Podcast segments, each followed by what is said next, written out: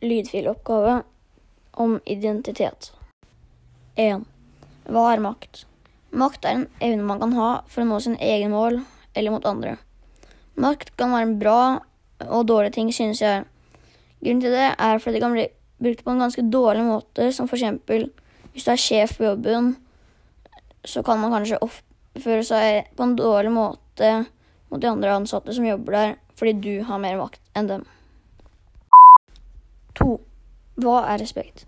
Respekt for meg er et ord for hvordan vi oppfører oss for andre mennesker. Det er som at jeg oppfører meg annerledes for folk jeg respekterer mer enn de jeg ikke har like mye respekt for. Som for eksempel at jeg, eh, de menneskene jeg er mest med, er kanskje de jeg respekterer mer enn de som jeg ikke er like mye med. 3. Hvorfor er det viktig å lære om andre, kulturer?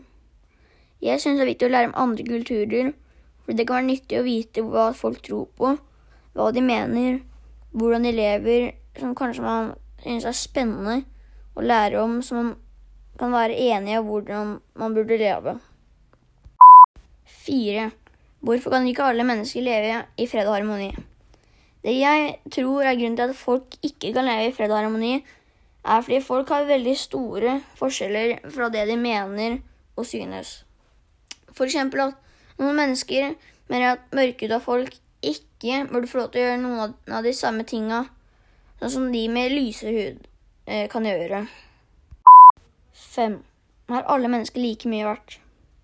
Min mening er at ikke alle mennesker er like mye verdt.